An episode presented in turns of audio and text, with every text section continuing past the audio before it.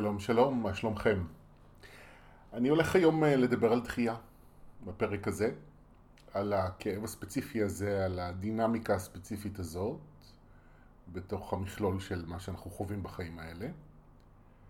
ומדהים הוא ומצחיק גם שכשחשבתי על מה יהיה הנושא של הפרק הזה, אז באיזשהו שלב הגעתי לרעיון של הדחייה, ואז קלטתי שמעולם לא דיברתי על זה בצורה מסודרת בפודקאסט. וזה קצת הפתיע אותי, איך זה שבעצם על חוויה מאוד אה, בסיסית וספציפית לא חשבתי לדבר על זה עד היום. וגם אה, בו זמנית זה מאוד מדויק בזמן שלפחות אני נמצא בו בחיים שלי. אני בשבועות האחרונים התחלתי אה, לפתוח מחדש בתהליכי ריפוי שאני עובר את התקופה הקשה שעברתי בבית ספר יסודי. היו לי איזה ארבע שנים של, אה, אני אגדיר את זה בתור התעללות חברתית. אני לא יודע אם זה הביטוי המדויק ביותר, אבל זה בהחלט מתאר את החוויה לפחות.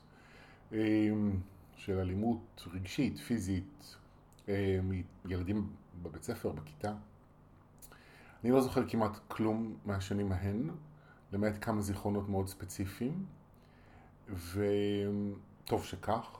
ואני גם שמח שבתקופה הזו שאני פותח את זה מחדש, אני לא נזכר בדברים ששכחתי או הדחקתי, אבל אני כן מרגיש את הרגשות שזה פותח, את הכאב, ולא רק כאב, שנחשפים במקום הזה, כאב וכעס אה, ושנאה ודחייה, שנפתחים ועולים על פני השטח. ואני עושה, אישית עושה את זה דרך הטיפולים שאני מקבל, זה פשוט הפך להיות הנושא שאנחנו אה, מתמקדים בו בזמן הזה, אה, וגם לפעמים במדיטציות שאני עושה, זה, אני פשוט חוזר לדבר עם, ה, עם מי שהייתי אז. וככה אני עובד בעצם. זה והסיבה שאני עושה את זה דווקא בשבועות האחרונים, זה לא כל כך משנה מה הטריגר, מה שאני פשוט רוצה רק להגיד ביחס לזה זה ש...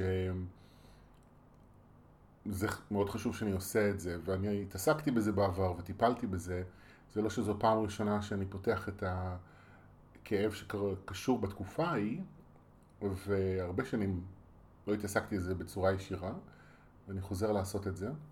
זה לא מפתיע אותי שיש כאב במקום הזה לטפל בו, והן היו שנים מאוד קשות, וההשפעה שלהם היא, עליי היא מאוד ברורה, אז אני לא מופתע. אבל אני פשוט רוצה לספר את זה כדי שאם מישהו יהיה מופתע פעם ממשהו כזה, אז אני כבר אומר מראש, אל תהיו מופתעים. ואל תחשבו שסיימתם. זה תמיד העצה שלי, אל תחשבו שסיימתם לרפא משהו, כי אתם לא באמת יודעים מה יש בתוכן, בתוכנו, בתת מודע מה יש בתוככם, אתם לא באמת יודעים מה באמת סיימתם ומה לא. אז, אה, ולכן, כמו שאמרתי מקודם, זה מאוד מדויק בעיניי, כי אפשר בהחלט פשוט להסתכל על כל השנים שאני עברתי בבית ספר ולהגיד, זה פשוט הייתה חוויה אחת גדולה ממושכת ורבת פנים של דחייה, והעובדה שאני פתחתי את הכאב הזה בזמן האחרון כנראה גם הייתה הטריגר החיובי לעובדה שהחלטתי להקליט את הפרק הספציפי הזה. אז בואו, אני אדבר אולי קודם כל על ה... על ה-obvious, שאולי הוא לא obvious לכולם. יכול להיות שאם אתם מקשיבים לפרקים שלי ברצף, אז אתם כבר מכירים את נקודת המבט שלי, אבל זה גם אם כן זה לא משנה. ה-obvious הוא שאנחנו בצורה כזו או אחרת חווים דחייה מהרגע שנולדנו. חלק מאיתנו חווה את זה גם בעודנו ברחם, ואנחנו חווים את זה באופן ברור וחד משמעי מהרגע שאנחנו נולדים. עכשיו, בשביל להסביר את זה, אני אגיד שדחייה זה בעצם לחוות אה, התנגדות למי שאני. אבל התנגדות שיש בה ממד אה, מכאיב. כלומר, זה לא התנגדות במובן שאני לא מסכים, אלא במובן שזאת התנגדות שחורטת בתוכנו את ההבנה שאני לא בסדר. זה בעצם מה שקורה. עכשיו, למה אני אומר חלק מאיתנו חוו את זה ברחם? כי אני מדמיין נגיד סיטואציות של אה, הריון לא רצוי, של הורים שרצו בת וקיבלו בן, או להפך. כל מיני דברים כאלה שהם לא בהכרח משפיעים רגשית על העובר אה, וחורטים שם כבר חוויה של דחייה, אבל זה בהחלט עשוי להיות. ושוב, זה רק בחלק קטן מהמקרים. חלק, כולנו בכל מקרה, חווים את זה בייסיקלי מהרגע שאנחנו נולדים. אז אולי לא מהשנייה הראשונה בדיוק, אבל מהר מאוד יש התנגדות כלפינו. וההתנגדות יכולה לבוא לידי ביטוי בכל מיני צורות שהן לא בהכרח נתפסות בתור התנגדות, או בטח ובטח בתור דחייה. זאת אומרת, זה לא שהכוונה של המבוגרים שהביאו אותנו לעולם וגידלו אותנו, הייתה לדחות אותנו. וזו נקודה מאוד משמעותית, במיוחד עבור ההורים שמקשיבים לי כרגע, ואולי ישר כבר מרגישים אשמים, עוד מתחילת הדברים שלי. כי דחייה היא לא בהכרח הכוונה, היא לא בהכרח המטרה, ופשוט יש, יש השפעה למבוגרים על ילדים, על תינוקות, הרבה יותר גדולה משאנחנו מבינים. ואנחנו גם אה, באים מתוך תפיסה שילדים לא מרגישים או לא מבינים. היום כבר לא כל כך, רוב האנשים כבר מבינים שזה לא ככה, אבל עדיין יש כאלה שכן, ובעבר זה היה מאוד נפוץ, שחשבו שילדים, הם כאילו אפשר לעשות הכל בייסיקלי, והם לא מרגישים ולא מבינים. אבל ילדים ותינוקות מבינים מאוד טוב מה קורה, גם אם הם לא יודעים להסביר את זה, גם אם הם לא יודעים לנתח את זה אה, לוגית, ולשים את האצבע על הגורם ועל הסיבה והתוצאה, אבל הם רגשית חווייתית מבינים. הם מרגישים טוב מאוד מתי משהו קורה שהוא נוגד את הציפייה הבסיסית הטבעית שלנו לקבל אהבה וחום ותמיכה וקבלה. עכשיו, לא בהכרח שכל סיטואציה כזאת היא מאותה התנגדות אלינו כתינוקות או ילדים. זאת אומרת, יכול להיות שהילד נולד ויש איזושהי מצוקה בבית, כי אחד ההורים חולה, כי ההורים במריבה. גם אם זה כאילו לא נעשה ליד הילד ומסתירים את זה ממנו, ילדים עדיין מרגישים את זה. אבל uh, אני ספציפית מתמקד באותן הסיטואציות שבהן יש התנגדות. ומה זה אומר התנגדות? זה אומר חוסר סבלנות, זה אומר כעס, זה אומר אה, באסה, שמתבאסים שצריך לקום לילד באמצע הלילה, אה, או מתבאסים כשהילד שואל את אותה, את אותה שאלה עוד פעם ועוד פעם, או שהוא רוצה עוד לשחק ועוד תשומת לב. אז בעצם אנחנו מייצרים התנגדות, אנחנו מתנגדים. ואנחנו, לא, לא אגיד במאה אחוז מהמקרים, אבל ברוב המוחלט של המקרים בעצם אומרים לילד באופן, גם אם לא באופן ישיר ובאופן מילולי, אז באופן עקיף אנחנו אומרים אתה לא בסדר. אנחנו גדלים ומתחילים להבין שיש בנו צדדים שהם לא בסדר. שאם הם נחשפים, אנחנו חווים כאב. וכאב זה מצב שבו לא אוהבים אותנו פשוט. זה מה שקורה כשלא אוהבים אותנו, כואב לנו. או כשכועסים עלינו, כואב לנו, כשצועקים עלינו, כואב לנו, כשמקללים אותנו, משפילים אותנו, כואב לנו. עכשיו, הצדדים האלה יכולים להיות כל מיני התנהגויות, או כל מיני רגשות, או כל מיני מצבים. זאת אומרת, זה יכול להיות אם אני מפחד, זה יכול להיות אם אני מבולבל, זה יכול להיות אם אני רוצה משהו מסוים, או מביע את עצמי בצורה מסוימת. אז אני מתחיל להבין שאני לא בסדר, שמשהו אצלי לא בסדר.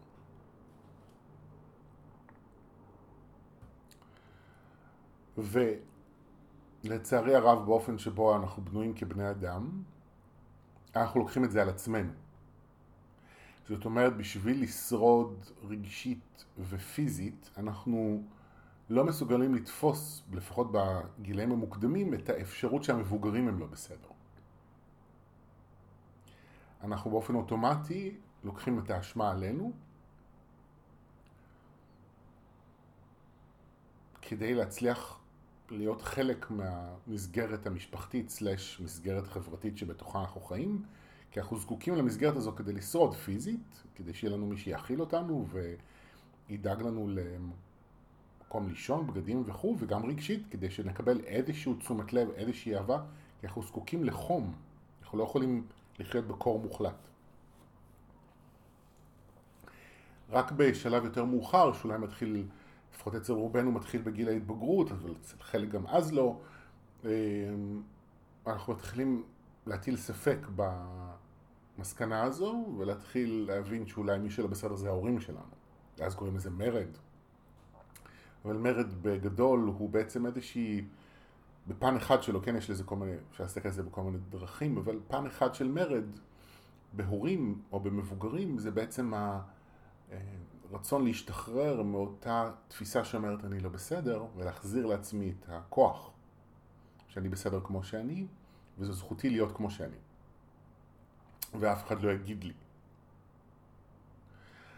והמרד הזה הוא כמובן מאוד חשוב בשביל ההתפתחות שלנו, בשביל ההפיכה שלנו לאנשים עצמאיים, אבל בפועל הפגיעה שנוצרה קיימת, והמרד הזה לא מרפא אותה, אולי הוא משחרר חלק ממנה ויוצר איזושהי אה, אה, תגובת, התגובת נגד שנוצרת במרד הזה היא יוצרת איזשהו איזון, היא מוציאה אותנו במידה מסוימת מהתפיסה הזו שאומרת אני לא בסדר, אבל היא לא נותנת מענה מלא לכאב הזה. אנחנו ממשיכים לגדול עם הכאב הזה שאומר אני לא בסדר, ואנחנו גם ממשיכים לחוות את זה דרך המציאות.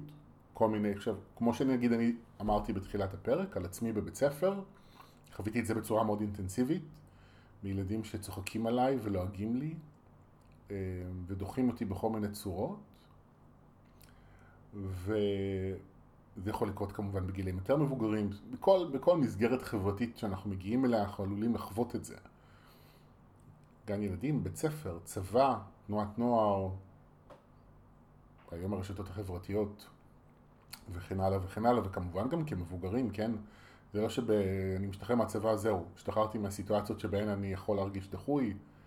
חוויית הדחייה ומציאות של דחייה יכולות uh, להמשיך להתקיים בצורה כזו או אחרת. וזה מקום כמובן מאוד מאוד כואב. ו... אתם יודעים, כש... כש... אתם לא יודעים, אני הולך להגיד את זה, אז תדעו. כשהקלטתי, כשחשבתי, או החלטתי אה, להקליט את הפרק הזה, אמרתי לעצמי, על מה אני הולך לדבר חצי שעה? על דחייה. כי מה, מה, מה אני אגיד? לכו פשוט לטיפול, זה כאב מטורף שיש בלבבות של כולנו, וכולם צריכים אהבה, כולם צריכים לשקם את ההריסות של החוויות האלה שחווינו, וזה הריסות, זה ליטרלי הריסות בעיניי. הלב הרוס, הביטחון העצמי הרוס. יותר פחות, אבל הוא הרוס, הוא שבור, הוא שבורים. ו- ואנחנו צריכים אה, אהבה, אנחנו צריכים חיבוק, אנחנו צריכים מגע, אנחנו צריכים אהבה, זה מה שאנחנו צריכים במקום הזה. אני מרגיש את זה על עצמי, אני רואה את זה על אנשים שאני עובד איתם. בכלל, על האופן שבו העולם הזה עובד.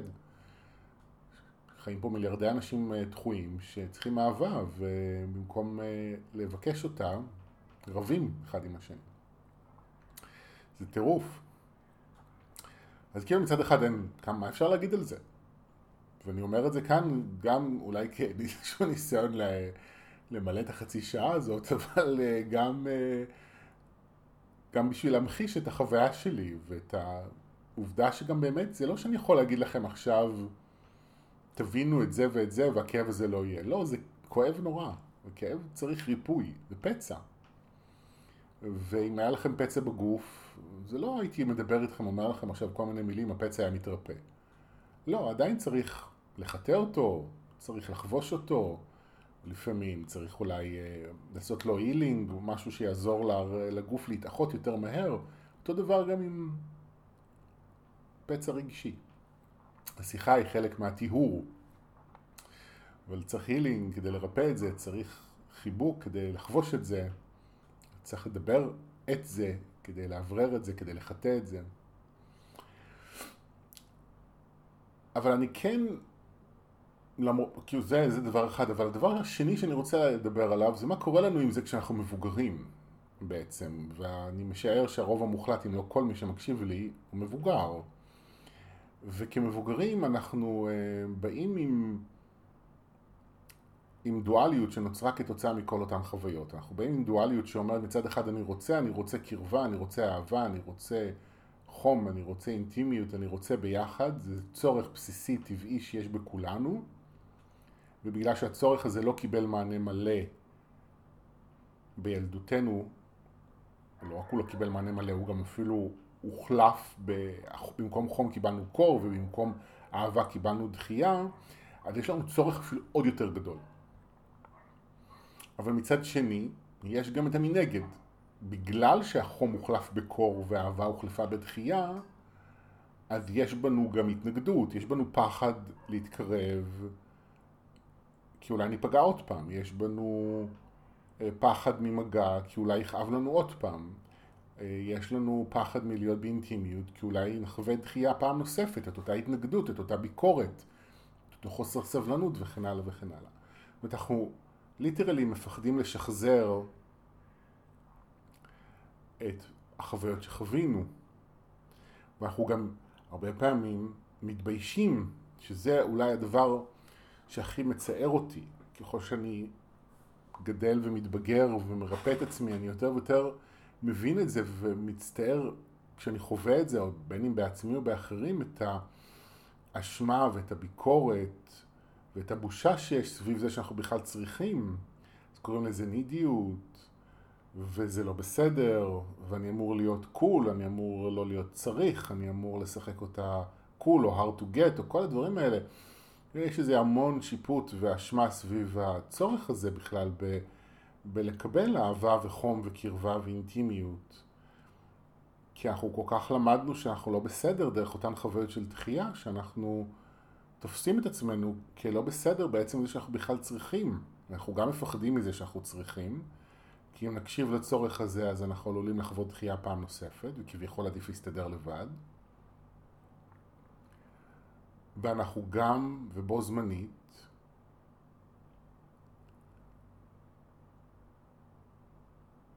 מרגישים אשמים על זה ומתביישים בזה. כי הרבה פעמים חווינו דחייה ספציפית סביב זה.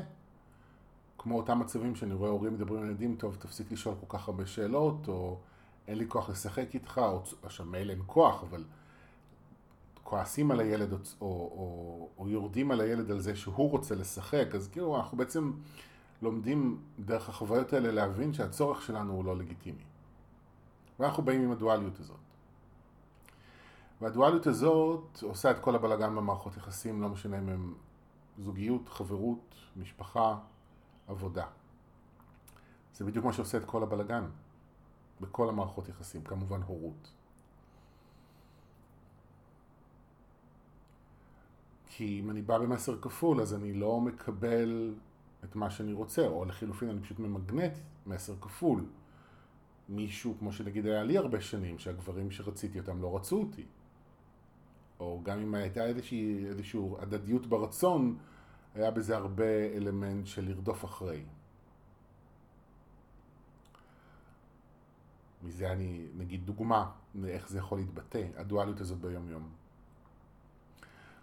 אבל אני רוצה גם לצייר את הדואליות הזאת באור נוסף, בנקודת מבט נוספת, ולהגיד שבעצם מה שקורה זה שאנחנו גם לומדים לדחות את עצמנו. כי בזה שאני מפחד משחר הצריך ומרגיש אשם על זה ומנסה להעמיד פנים שאני לא צריך, אני בעצם דוחה את עצמי. אני יוצר התנגדות פנימית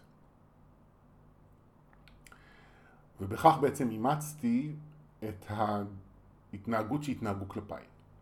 מדברים, לא זוכר בדיוק איך התסמונת הזאת נקראת, אבל כשאנשים שחוטפים אותם, אז הם מזדהים עם, עם המצוקה של החוטף. והם מגינים עליו כדרך לשרוד, וזה בעצם מה שקורה לנו. אנחנו מזדהים עם התפיסות שהופנו כלפינו, עם ההתנהגות שהופנתה כלפינו, מאמצים אותן, ועושים לעצמנו את מה שעשו לנו. ששוב, זה חלק מהדרך לשרוד, כי אם אני מאמץ את ההתנהגות הזאת ואת התפיסות הללו כחלק מהאימוץ של התפיסה שאני לא בסדר, אז אני חלק מהמעגל החברתי הזה.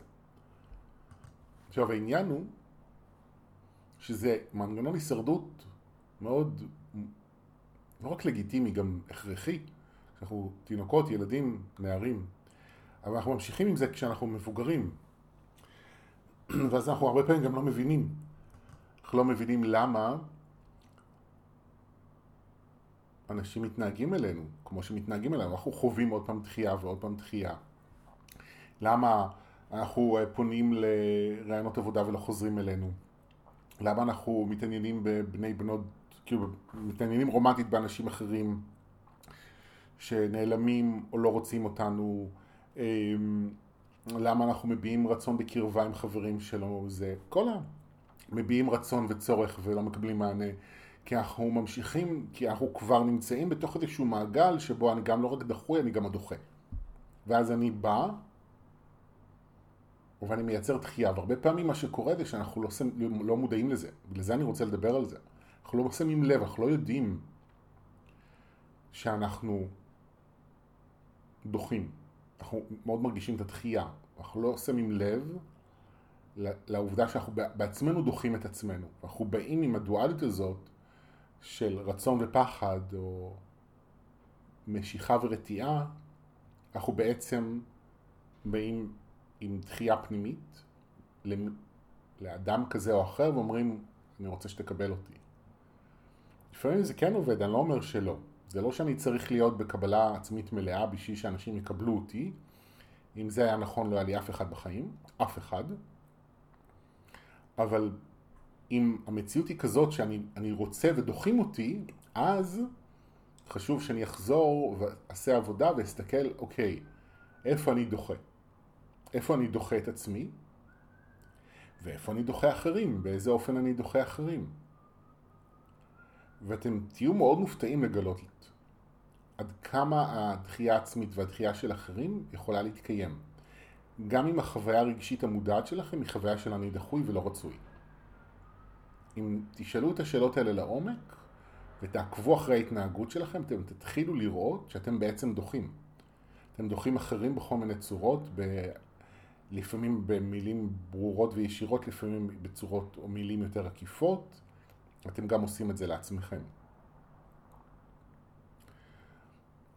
וזה הצד השני של מה שאמרתי מקודם. כי כשדיברתי מקודם ואמרתי, טוב, מה, מה יש לי להגיד? לכו להילינג, טפלו בעצמכם, כי יש הרבה כאב לטפל בו. העניין הוא שזה לא רק כאב כבר לטפל בו. זאת אומרת, יש כבר מנגנון התנהגות שלם שנוצר מתוך הכאב הזה, שמאוד חשוב לפרק ולהכיר, וזה המקום של טיפול. זה להכיר את האופן שבו אני דוחה. כדי להתחיל לראות את שני הצדדים. זאת אומרת, יש את הדחוי, יש את הדוחה. עכשיו, זה נכון שבבסיס של הכל זה אותו כאב שמייצר את כל הבלגן הזה שאני מתאר פה. והריפוי של הכאב הוא מה שצריך לעשות כדי שכל ההתנהגות הזאת תתפרק ולא תהיה דואליות, אלא תהיה יותר ויותר אה, תמימות דעים פנימית כזאת, איזה מין אחידות פנימית שאומרת אני רוצה ואני רוצה. וכשאני מאוחד, כשיש אה, אה, תמימות דעים בתוכי, אז גם המציאות שאני ממגנט היא מציאות של, של כן, שאין בה התנגדות, שאין בה דחייה. אבל זה, זה מאוד חשוב, זה מאוד חשוב שתשימו לב, זה מאוד חשוב שתדעו להכיר ולראות את זה מכמה סיבות. קודם כל הסיבה הראשונה כי זה מוציא מקורבנות, כי אני מפסיק להיות הדחוי, ואני רואה איך אני דוחה, אז זה כבר ממוסס הרבה קורבנות. זה יכול להתחלף לזמן מה בלהיות קורבן של עצמי על זה שאני דוחה, אבל גם את זה צריך איכשהו לעבור ולהתחיל לראות, אוקיי, אז זה הכל בעצם אני. אז זה גם ממוסס קורבנות וזה גם מחזיר לי את הכוח, כי אם זה הכל אני, אותי אני יכול לשנות. וכשאני משנה אותי, המגנט שלי משתנה, וכשהמגנט שלי משתנה, המציאות שלי משתנה. אבל כל עוד אני רואה את הדברים כחיצוניים לי, אני משאיר את עצמי חסר כוחות, והיכולת שלי להשפיע על המציאות היא הרבה יותר קטנה. אז אוקיי, אז או שאני אתנתק מאנשים שלידם אני מרגיש דחוי, אבל אם אני, אל, אם זאת תהיה הטקטיקה היחידה שלי להתמודד עם מצבים כאלה, אני עלול למצוא את עצמי בלי אנשים בחיים. כי אני עלול להרגיש דחייה בהרבה מאוד מקומות ובהרבה מצבים, גם עם אנשים שאני מאוד אוהב ומאוד חשובים לי. אז מה אני אעשה? אני תמיד אתנתק? זה הרבה פעמים מתוך חוויה כזאת של אה, כאב, של חוסר אונים, הדרך היחידה להחזיר כוח, הדרך היחידה שאנחנו מכירים כדי להחזיר כוח היא לנתק מגע. אבל יש דרך אחרת, וזה הדרך שאני מציע בפרק הזה ובכלל, בכל הפרקים. זה לראות איך אני יוצר את המציאות, ולראות שכל מה שקורה לי בחוץ בעצם קורה בתוכי. וכשאני משתנה, הכל יכול להשתנות. ואני יודע שחלק מכם עוקבים אחריי ומקשיבים ומכירים את הסיפורים שלי, אז אתם גם יודעים שאני בזוגיות הרבה שנים, וזו זוגיות מאוד טובה, מבחינת החברות שיש בינינו. ואין בינינו את המשחקים האלה של ה... שאני הכרתי עם גברים, של לרדוף אחרי. אנחנו לא משחקים את המשחקים האלה. אנחנו אפילו סיכמנו את זה בינינו אחרי הדייט השני או השלישי שלנו, שלא משנה מה, גם אם אנחנו לא רוצים, אנחנו מדברים. אנחנו לא משחקים. שנינו חווינו את זה, טוב מאוד, את לרדוף אחרי. וההחלטה הזו ממשיכה להיות, אנחנו ממשיכים לעמוד בהבטחה שלנו אחד לשני כבר יותר מ-14 שנה. וזה קרה, הסוויץ' הזה במציאות שלי קרה בזכות העובדה שטיפלתי בעצמי כל השנים, במסר הכפול שהסתובבתי איתו. כי אני, כשהתחלתי לחפש בן זוג בגיל 17, אני לא הרגשתי שאני לא רוצה. אני לא הרגשתי את ההתנגדות הפנימית שלי, את המקום בתוכי שדוחה את זה. אבל אז התחלתי לחוות דחיות מכל מיני גברים. ולאט לאט, בזכות ורדה, המורה שלי, התחלתי להסתכל על מציאות אחרת. לראות, רגע, אם לא רוצים אותי, אז איפה בתוכי אני לא רוצה. וזה לקח זמן, לי לקח הרבה זמן להתחיל לקלוט את זה. היה נשמע לי הגיוני, אבל לקח לי המון זמן לראות את עצמי. וככל שהצלחתי לראות את זה, ואז גם הבנתי מה קורה, אז שוב, אז נעלמה הקורבנות במידה רבה, והתחלתי לצלול לתוך הריפוי של, ה, של המקום הזה, כי אני כן רציתי זוגיות. וזה לקח את הזמן שזה לקח לי, עד שבסופו של דבר הדואליות הזאת התמוססה, זאת אומרת ההתנגדות התמוססה, ואז נפתחה דלת למציאות אחרת לגמרי מכל מה שהכרתי. ויש לי כל מיני סיפורים שאני יכול לספר, אני לא אעשה את זה, אבל יש לי הרבה חוויות שחוויתי של איך השינוי הפנימי משנה מציאות, ואני משער שחלק מכם, בייחוד אם אתם כבר במסע ההתפתחות, אתם כבר מכירים את זה במידה מסוימת. ואני רוצה בהקשר הזה להגיד שזה מאוד חשוב להביא את זה, את המודעות הזאת לחוויית הדחייה. כי החוויה הזאת, א', היא מאוד כואבת,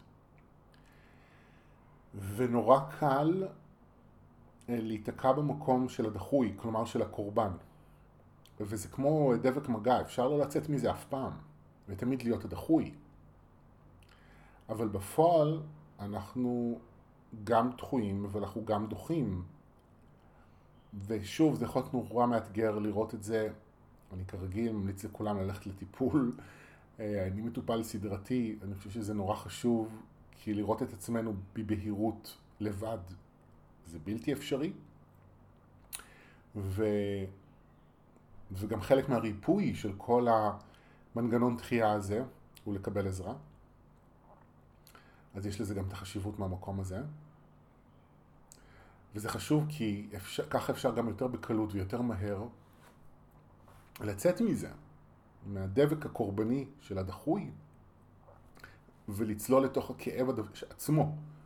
וחשוב לי להגיד את זה בהקשר הזה, שהרבה פעמים מה שאנחנו מרגישים בתור כאב הוא לא הכאב. וזה כאב, אבל זה גם עם קורבנות, וזה עם אשמה, וזה עם פחד, וזה עם כעס. זה תערובת רגשית שאנחנו מרגישים אותה כבאסה, כחרא, כרע לי, כלא טוב לי, כקשה, אבל זה לא כאב. כאב, פיור כאב, זה המקום שבו אין תלונה, אין אשמה, אין טענה, אין כעס, אין רצון להיות במקום אחר, אלא אני פיור בתוך הכאב. וכשאני בתוך הכאב, אז הלב מחלים. זהו. אז אני מעודד אתכם לרפא את עצמכם, כרגיל, כי זה משתלם בכל מובן אפשרי. זהו, והנה הסתיימה חצי שעה. תודה שהאזנתם. ביי ביי.